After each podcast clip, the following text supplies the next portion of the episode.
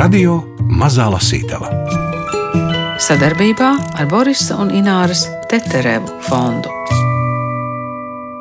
Manas rokās ir balta kafijas krūze, un manā priekšā ir balta grāmata. Baltā grāmata. Neuzlēja kafijas grāmatu. Nē, nē, kur tā pa gabalu, nu, droši distance no grāmatas. Tik balta grāmata ar tik šausmīgu nosaukumu baigās piezīme. Mm -hmm. Tas tā kā ar baigo gadu kādas. Nē, ar baigo rakstnieci. Silvija Brīsīs mūsu studijā parasti ir bijusi kā tulkotāja.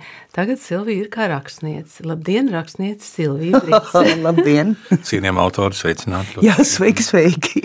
Un cienījamais aktieris Gunārs Āboliņš ir gatavs. Sveicināts! Man ir liels prieks šādā kompānijā. Radio mazā lasītava šogadu sāk ar Silvijas Brīces baigajām piezīmēm. Kopā ar rakstnieci Silviju Brici un aktieru Gundaru Āboliņu studijā Ingvilda Strautmana. Mēs turpinām saglabāt veselīgu ironijas devu līdzsvarā ar skarbu nopietnību.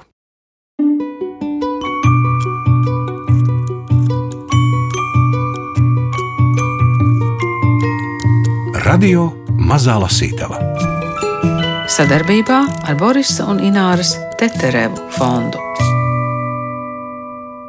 Nu, Silvija, kā jūs tik tālu nonācāt? Jā, kā es aizripoju līdz tādai dzīvei. Jā. Man nebija nodomu. Tagad es uzrakstīšu grāmatu. Un, un baigās piezīmes tiešām sasaucas ar manu priekšstatu par sevi kā par baigo rakstnieci. Un uh, norāda uz to, ka šī visa šī lieta ir uztverama ar zināmu ironiju. Bet um, sēžot savā uh, tūkotājas vientulībā un tulkojot, mēdz būt atelpas brīži. Un tajos atelpas brīžos tad es ļāvu vaļu tiem dvēseles kliedzieniem vai dvēseles smieklu lēkmēm, kuras kādā brīdī pirms kādiem gadiem sāku arī pierakstīt. Arī vēl bez, bez ļauna nodoma. Vienkārši, lai tas viss man pašai nepazustu.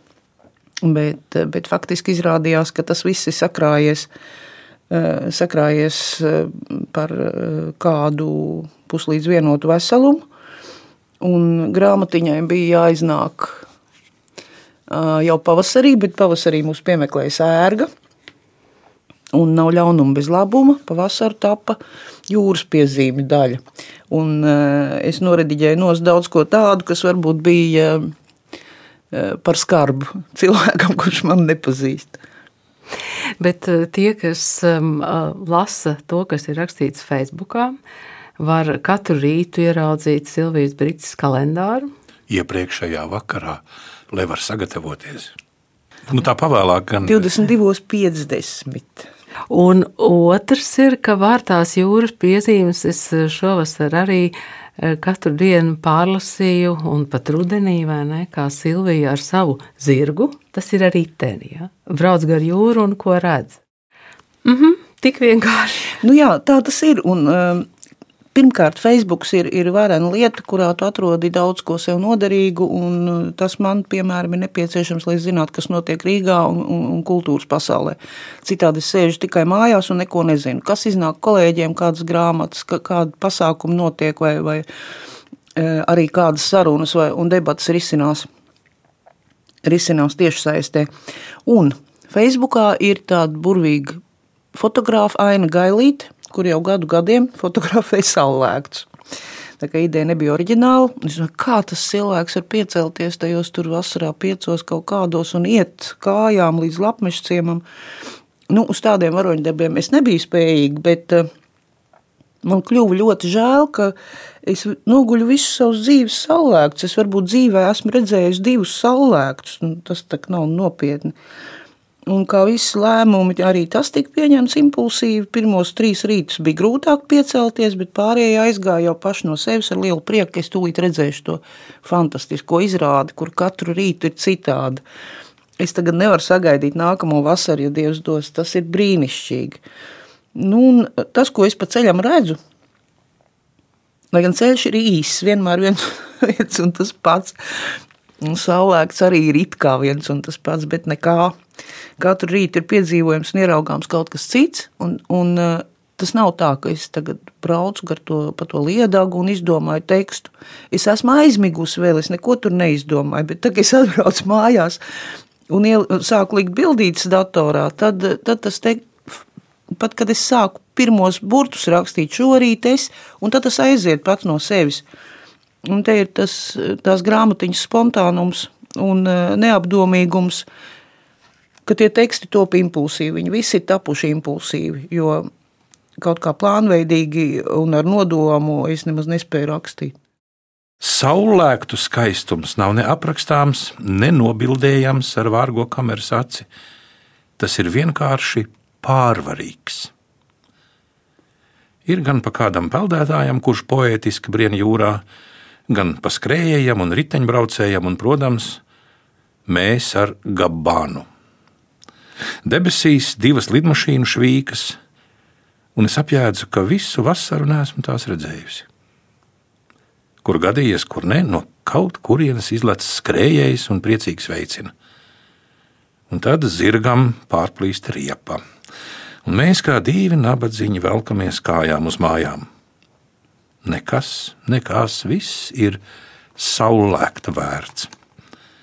Saule lec šķelmīgi, caur plīvuriem līdz beidzot iezvērojas visā varenībā. Liedaks kluss, tikai kāda meitene garā melnā kleitā pa gabalu izskatīdamās pēc samuraja, staigā šurpu turpu starp krūmiem un ūdens malu. Viņai ir sarkans velosipēds, un maza mugursomiņa. Šorīt ārā bija tik tumšs, ka pārbaudīju trīs pulksteņus, vai tiešām neesmu par stundu kļūdījusies. Gaiss silts un lietus pilns, liedaks pilnīgi tukšs, bija tikai tā misteriozā meitene, melnā paltrakā ar sarkanu divriteni, ar lakatiņu cieši krustām ap galvu un ar bailēm no acu kontakta. Ik pa gabaliņam nokāpj no riteņa un ar maisiņu rokā pieiet pie ūdens malas, lai sektas uzdevumā ievāktu nodevas no nārām. Saule pēdīgi nolēma uzlēkt, mirkli paplaiksnīt caur mākoņiem, tad uzsūcās debesīs, atstādam tikai domu zīmi. Nu, šī rīta kumēdiņa bija galā. Rādās, ka būs lietus. Ceļš uz jūru kā ceļš uz rudeni, siltas un mitras atvadu elpas pilnas. Saule šorīt lec kaut kur pie Daugopils, tāpēc jāgaida ilgi, kamēr atnāk līdz šejienei. Viss ir zilos mākoņos. Liedagā basu pēdu nospiedumu virteni blakus mums ar zirgu. Žēl braukt tai virsū. Zēmu virs ūdens, biezi jūras kraukļu pulki, neviena cilvēka. Tad beidzot saule ir klāta un iemirdzes, viss pārvēršas un atkal kļūst priecīgs. Skatoties, nu, pirmkārt, grāmata ir balta, otrkārt, tas ir tādas, nu, tādas impresijas, tādas nu, iespaidu pieraksti, līdzīgi galva Hermaņa dienas grāmata. Vai arī šī varētu būt zināmā mērā kā dienas grāmatas žanrā? Nu, noteikti nevajag, nevajag, man nevajag vairīties no šī vārda. Ir iznākusi tā kā dienas grāmata, jo sākumā kaut vai jūras daļai bija pat datumi klāt. Tad man attaus, ka nevajag to, nevienam nevajag šos datumus, bet jā, tā ir dienas grāmata. Te jau arī ir krieviski. Tur viss visādās mēlēs ir un rupjības sarakstīts. Savās nelielajās lasīšanas brīvdienās esmu uzdūrusies vienam tik neredzēti draņķīgam tulkojumam, ka jājautā, kur plūkojas tulkotās literatūras kritika. Nē, nu es saprotu augstu izglītotos un pasionāros kritiķus ar kabatnazīti iegriezt, es te biju. Ir patīkamāk tomēr solidās mēbelēs, nevis kaut kādā tur autoostas beņķī. Saka, vajag taču griezt tā, lai tavs vārds ieiet vēsturē.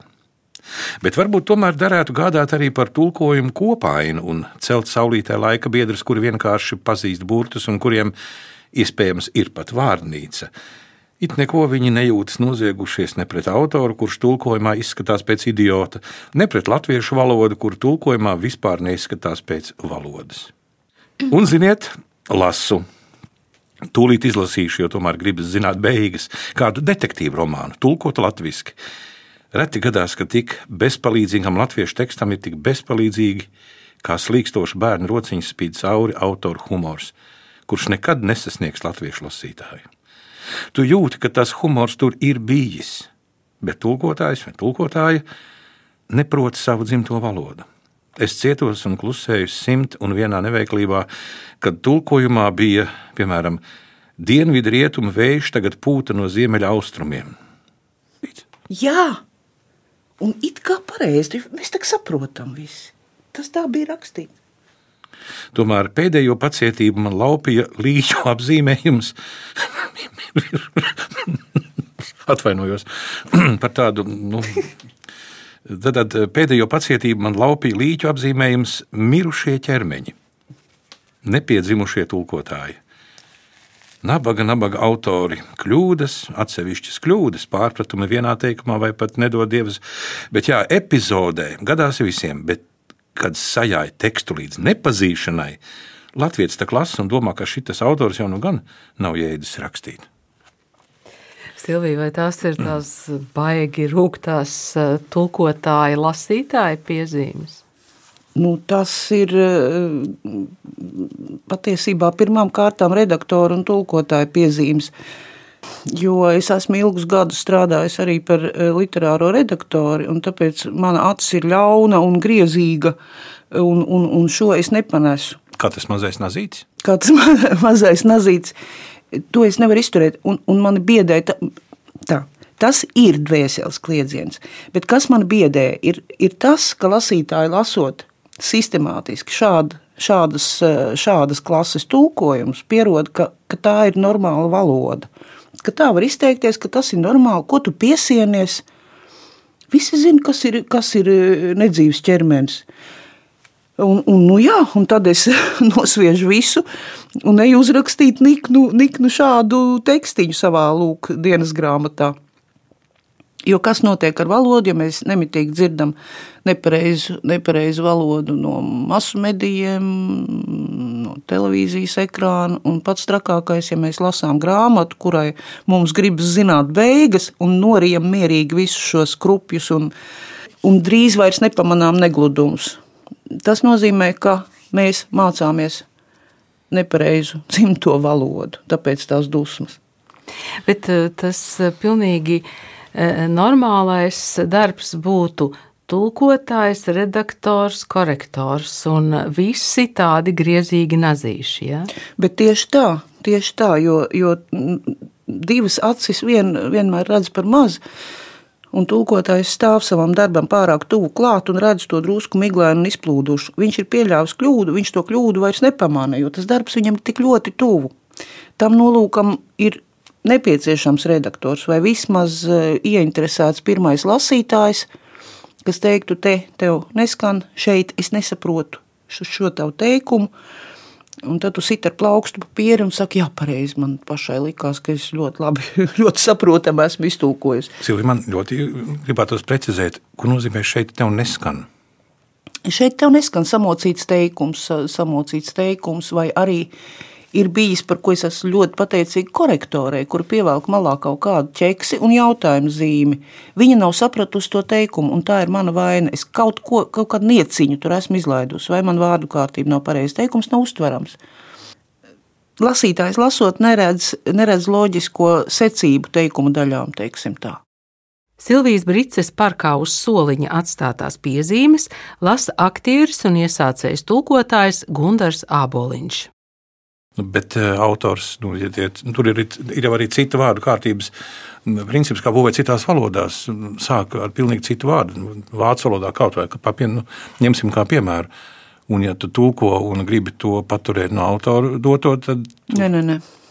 Man liekas, Gunār, jūs esat ieslīguši pārāk tādās detalizētās, profesionālās diskusijās. Nē, nu man kā iesācējam šajā jomā, nē, nē, man kā ies, nē, nē, es vēl ar vienu uzskatu sev par iesācēju, jo es, jo es tālāk, jo vairāk es iesāku, jo vairāk es saprotu, ka tas tomēr ir ļoti nopietns darbs. Jo, jo vairāk jūties kā iesācējs. Jo vairāk, jā, tuvāk sākumam.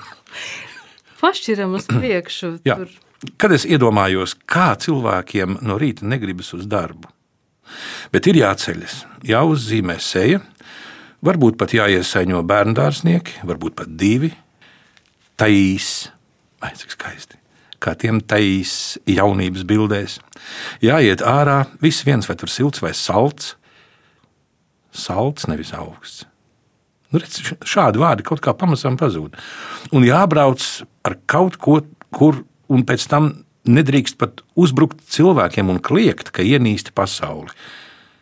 Nē, nekā nebija. Tev jāķeras vien pie darba, no prezidenta kancelējas vadīšanas, apanakti, jo varbūt pasaules karš sācies, vai vēlēšanas pienākušas par vienu dienu tuvāk, vai kāds žurnālists izracis kaut ko tādu, pret ko tev jāsagatavo eleganti nemeli, līdz salātu taisīšanai Rimī, un tad viņi stāvēs aiz tavas letes, ar tām vienaldzīgajām sejām un sarunāsies savā starpā, paskati, cik viņiem pretīgi tie salāti, it kā tevis tur vispār nebūtu.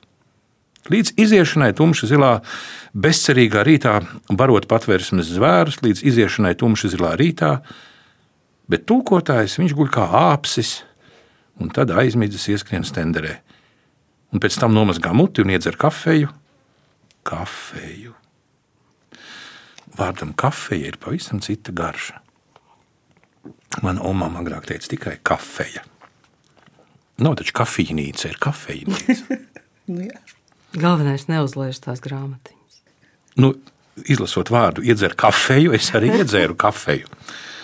Bet tad, tad, tad, kad viņš pielicis pie sava pūna sudraba pieclatnieku un apskatījies, vai tiešām, tiešām ir jau tik vēls rīts, Pēc tam viņš izslienas kā Maikls Phelps, basēna malā ieelpot dziļi un sāpīgi, un tad metas tajā savā autorā, viņa tekstā iegrimst līdz dibinam un uznirst, un tad cenšas vienmērīgiem, vienmērīgiem vēzieniem taisnā autora iemīļotā brasā vai karaulā. Ko es gribēju teikt? nu jā, ka nevienmēr gribas uz darbu. Parausmiek, izvarēs ir, ka cits cilvēks lasa. Ir citādi, vai ne? Pilnīgi kaut kas cits. Es ar tādu interesi klausos. Nes kurš to būtu uzrakstījis? Bet te ir vairāk reizes atkārtojis. Um, nu, te bija, kur tikko bija? Tikko bija Tumša zilā rītā. Tumšas zilā rītā, jā, un, un vienmērīgiem, vienmērīgiem vēzieniem. Ak, kā derētu privāts sekretāre vai privāts sekretārs. Nu, tāds cilvēks, kurš spēj domāt telpiski. Rau, te tavs kalendārs, te tavs naudas maksta rēķini, un nē, nevajag divas reizes pārskaitīt lūk, šos mazos cipariņus par telefonu vai mašīnu. Un jā, zemes nodoklis ir tāda lieta, ko arī vēlams samaksāt vienreiz par zemi un vienreiz par māju. Man nav mājas, nu nav par ko. Un rīt tev ir tikšanās Bauskā un parīt radio. Jūs aizvakar to rakstījāt. Un aizparīt ir krustmātē vārda diena, un es tev nocelšu to biezo vārnīcu no augšējā plaukta. Reti jau tieši to biezo vārnīcu vajag, bet pasar Dievs nerāpies pati uz ķēbļa augšā. Vecā kraķe. Nu, te ir kraķe, nevis kaķe. Tas ir cits gabaliņš. À, vecā kraķe, klusa zem deguna. Un uz pastu aiznesīšu tavas sūtāmās grāmatas un atvēršu durvis pasniegam Jāzepam. Un varbūt reizēm pabarošu kaķus. Es tavā vietā pat uzrakstīšu darba atskaiti, jo sešiem cipariem zīmju skaitam, diemžēl, nevis algas ciparam, tava glupā galva ir par mazu. Nobrukšķēta zem deguna. Un te ir tavas trīs melnās blūzes, izgludinātas un pakarinātas, un te ir tavas džinsu bikses, ja nu jāiziet cilvēkos. Ja nav jāiziet cilvēkos, tad mīlu tevi tāpat, ar to kleitu, kam kaķu bildi uz vēdera. Nu, un es atprasīšu tev itāļu vārdiņus, un uzrakstīšu itāliski sacerējumu par veco mammu, un es tavā vietā atbildēšu uz šerminošo telefonu. Un rediģēšu tavus ierakstus Facebook, ak, eņģeli, atsaucies. Zait tomēr nav darba, sis domāts kā literatūra. Šeit tomēr nav darba. Šis domāts kā literatūra ar, ar tēmturiem, jo cilvēki pieteicās nopietni, visā nopietnībā par privātu. Jā, Jā, un, un paņēmāt cilvēku. nu, nē, taču es biju tik. Es atvainojos briesmīgi, un tad es pierakstīju šos abus tēmturus, ka, ka šeit tomēr nav darba. Bet eh, pasniegs Jāzeps eh, ir Reāls, reāls. Reāls, Jā, jā, un kā vēl. Nu, tad beidzot, baravikas un apšubekas sviestenes, netārpainas bērzlapes un dažas krimildes, un burtiski desmit gailenes. Es jums saku, dziediet! Tas ir citāts no Ivana Ziedoņa. Sēnēm silā patīk, kad dzied. Prastākās uzķeres uz eh, velti, velti sēņu veci, baraviku sirmais kungs, vai uz ļoti, ļoti gribu lietutiņu, sārtu lietutiņu, zīlu, dzeltenu un zaļu. Bekām citkārt patīk klauns dejoja bārā, kā noreibis stars. Šodien baravikas rindām nāca uz māte mirst jauna, tēva kauja karā. Jūs, jūs dziedat, kad ejat sēņot? Ja? Es dziedu, tas jau nav melots. Tā ir tīra svēta patiesība, ka, ka ilgi nu, tā zem deguna dziedu klusītēm dungoja, bet ir jāatrod pareizā dziesma, un tad tās sēnes nāk. Tas tā kā ar buram vārdiem. Apmēram, jā. Bet es gribētu tomēr vienu ļoti nopietnu daļu šajā mm, grāmatā. Tur ir fotografijas un, un tur ir stāsti par jūsu senčiem, vai ne? Nu, jā, īsi ieskicējumi, mazas piezīmītas jā, par senčiem. Kādā senā fotografijā pirmais no kreisās ir mans vecstāvs Jāzeps. Krietnes kalējs, sapucējies, acīm redzot, fotografēšanās gadījumam. Pa vidu sēž vecvectāvs Jākaps, muzikants un amatnieks, taisīja divu rindu harmonikas no nekā lupatiņa te, misiņa gabaliņš tur, taustiņa droši vien no kaķu zobiem. Es smējos, nezinu no kā bija taustiņa, bet spēlējis esot fantastiski. Varans ķelmīgs arī izskatās. No viņa šajā dzimtā muzikantu dzīsla. Un cik tādi grazni zābaki vien nemaksā šausmas. Labajā malā vectēva brālis Jānis. 30. gados galdnieku darbnīcas īpašnieks Rīgā skolas ielā ar krītpapīra katalogiem. Šo jūs varat pasūtīt Leimaņa mēbeļu darbnīcā, kur līgavai būs sapnis jūs salds. Tas par mēbeli gultu. Tas ir hei, ripo ratiņa, ripo vecais draugs. Nu, kaut kā tā. Vēlreiz sveiks, Jāzep! Es tevi atceros savā četru gadu vecumā tikai divreiz mīļo vecstāvu, jo tu tūlīt nomiri. Viena reize ir, kad tu stāvi mūsu mājas durvīs ar brezenta somu, kurā ir miestā pirkta rupi maize. Daudz, lai pietiek līdz nākamajai reizei, ir 1962. gads. Un tad tu brauc ar riteni mājās uz saviem leimaņiem. Un otra reize, kad ir Ziemassvētki mūsu mājās, man ir tie četri gadi, es pārvalku ar plaukstu tev, veco tev pār galvu, un saku, kāpēc tev matiņi vēl nav izauguši? Lai tev labi, veco tev. Silvija, jūs turpināsiet rakstīt piezīmes? Es eh, nezinu, mēs visi kaut ko turpinām rakstīt, bet uh, tad, kad tā grāmata iznāca, kur visu laiku man bija joks, un, un, un kad es ieraudzīju grāmatiņu, skaistu, baltu, fiziskā veidolā, nu, kopš tā brīža es neko neesmu uzrakstījusi.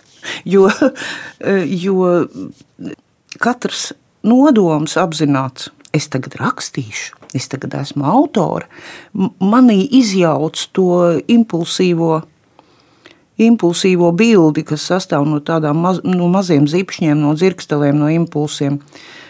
Es jūtos tā, it kā man būtu skolā obligāts darbs jāraksta, un to es nevaru. Bet nu redzēsim, dzīvosim, redzēsim.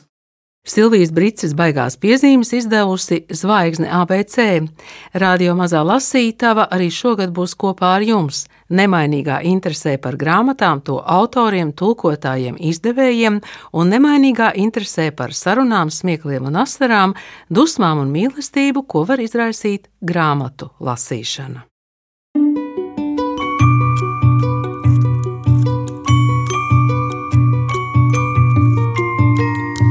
Radio Mazā Lasītava sadarbībā ar Borisa un Ināras Teterevu fondu.